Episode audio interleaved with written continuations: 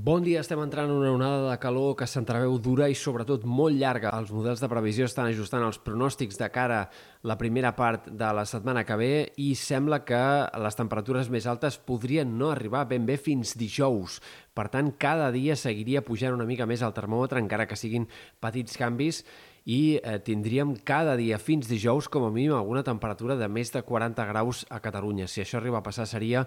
el primer cop que hi ha una ratxa de 6 dies seguits en els quals com a mínim alguna temperatura màxima a Catalunya supera els 40 graus. Fins ara hi havia hagut ratxes de 4 dies, per exemple el 2015, el 2021, també l'any passat, el juny,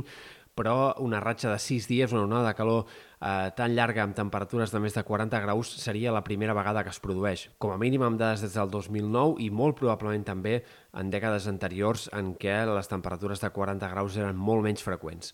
Per tant, tenim per davant uns quants dies de temperatures molt altes, també temperatures nocturnes molt altes. Aquesta matinada ja ha sigut de molt mal dormir,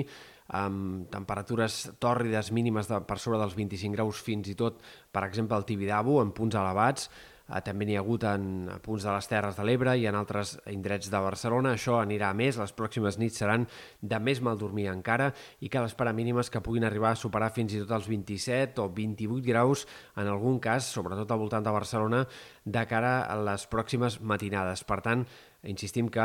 les temperatures encara pujaran una mica més aquests dies vinents i aquesta calor es mantindrà de forma sostinguda fins dijous. Això sí, els models de previsió també confirmen la baixada en picat a partir d'aquest moment i que de cara a divendres, dissabte, el termòmetre farà una baixada contundent, una baixada clara que ens situarà no només en valors normals per l'època, sinó en valors per sota del que caldria esperar. Per tant, acabarem l'agost amb temperatures molt fresques i amb un canvi de temps que esperem que també comporti algunes tempestes i ruixats en diferents comarques. De moment, a curt termini, avui el sol predominarà. Eh, pot haver-hi algun ruixat aïllat al Pirineu Occidental, com va passar ahir eh, en sectors del Ripollès o d'Osona, però serien, en tot cas, fenòmens molt aïllats. A mesura que avanci la setmana, cada cop hi haurà alguna tempesta més de tarda en sectors del Pirineu, però de moment seran fenòmens sempre bastant puntuals i bastant aïllats. I seria durant el canvi de temps que arribarà divendres que els ruixats poden guanyar protagonisme, fer-se més extensos i entre divendres i dissabte sí que pot haver-hi tempestes que afectin moltes comarques, ja no només el Pirineu i Prepirineu, sinó també